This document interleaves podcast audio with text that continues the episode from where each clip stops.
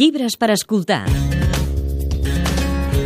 Les novetats literàries amb Montse Camps.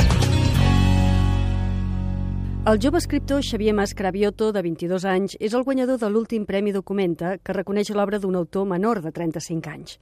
L'obra guardonada és la seva primera novel·la, L'amor lenta, que publica l'altre editorial. Aquest cavall només el veiem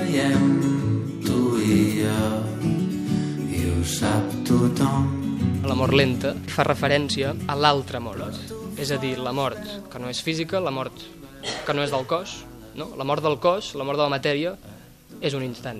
Hi ets i de sobte ja no hi ets, no? és un moment. En canvi, la mort lenta fa referència a tot allò eh, del nostre voltant que es va apagant, que es va buidant de sentit i que tu te n'adones no? que allò s'està morint, o de vegades no i quan te n'adones ja és molt tard, no? És tot allò que es va buidant de sentit, que, que se't va consumint al voltant i, i irreversiblement i no, no pots fer-hi res. Dos germans, l'Aram, un jove introspectiu, i l'Helena, que és aparentment forta, han de sobreviure a l'impacte de la mort dels seus pares en accident. El dia a dia per superar-ho i els records d'uns pares, que no eren precisament perfectes, van fluint en l'obra que té un to experimental. Amb constants salts del present al passat, la novel·la comença amb l'epíleg i acaba amb el pròleg. Canvia d'estil i conté un annex que explica com són els personatges perquè el lector tingui tota la informació possible. El jurat ha valorat aquest domini del material narratiu, però per sobre de tot premia una història que agafa com a matèria primera el dia a dia, la quotidianitat. A partir de la quotidianitat pots anar més enllà, pots reflexionar a l'entorn de, de, de molts temes que a mi personalment m'interessen pels motius que siguin, no? com per exemple eh, la mort, eh, la moral, els instints, eh, la dependència, no? Conceptes com la dependència, l'amor, el desig, no? que al final no deixen de ser noms, no? que designen coses molt abstractes, molt intangibles i que al final se'ns barregen i se'ns confonen, que és una mica el que els passa a aquests dos germans, l'Aram i l'Helena. Hi ha sempre aquest joc amb l'ambigüitat que jo he volgut mantenir al llarg del llibre, precisament perquè hi ha aquesta confusió de sentiments.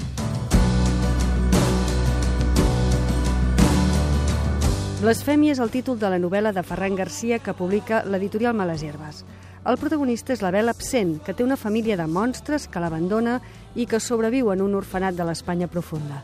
La dona tors, les siameses, l'home dels dits infinits o el menjarrates són alguns dels membres de la família del protagonista de l'obra que adverteix que l'infern és molt més a prop del que ens pensem – L'autor en parlava al programa Els Experts, d'ICAT FM. Es trenca aquest tel que separa la llum de la foscor, la foscor entra en nosaltres i cometem actes absolutament aberrants, però que són humans, perquè de fet una cosa típica és, no sé, quan hi ha hagut un assassí en sèrie a la teva escala i entrevisten els veïns i les veïnes, el típic és, ostres, però si era un noi supernormal, era un noi molt agradable...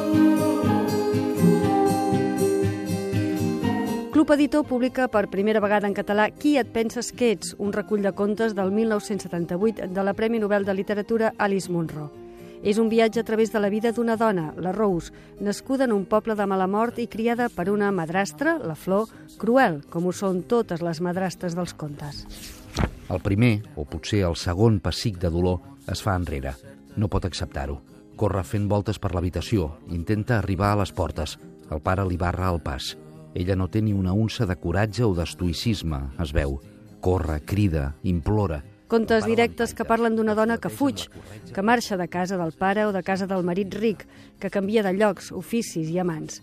Una fugida per tornar a l'origen marcat per una madrastra que no va voler ser mare i assumir-lo sense por. Traduït per Dolors Udina, Qui et penses que ets, que en castellà publica l'editorial Lumen, apareix juntament amb altres dues novetats de grans autors internacionals. Un és Juny, de l'holandès Gerben Bakker, una història situada a finals dels anys 60 que parla de les relacions familiars, l'amor i el dolor. El publica el Raig Verd i l'ha traduït Maria Rosic. I l'altre és Benedicció, del nord-americà Ken Haruf, que gràcies al Boca Orella ha creat una colla de seguidors fidels a la seva trilogia de Hall.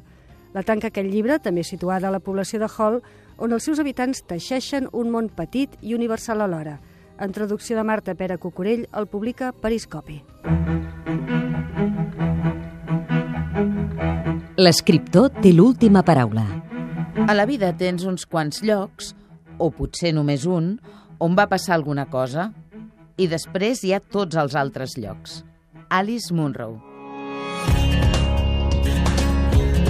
Llibres per escoltar. Les novetats literàries amb Montse Camps.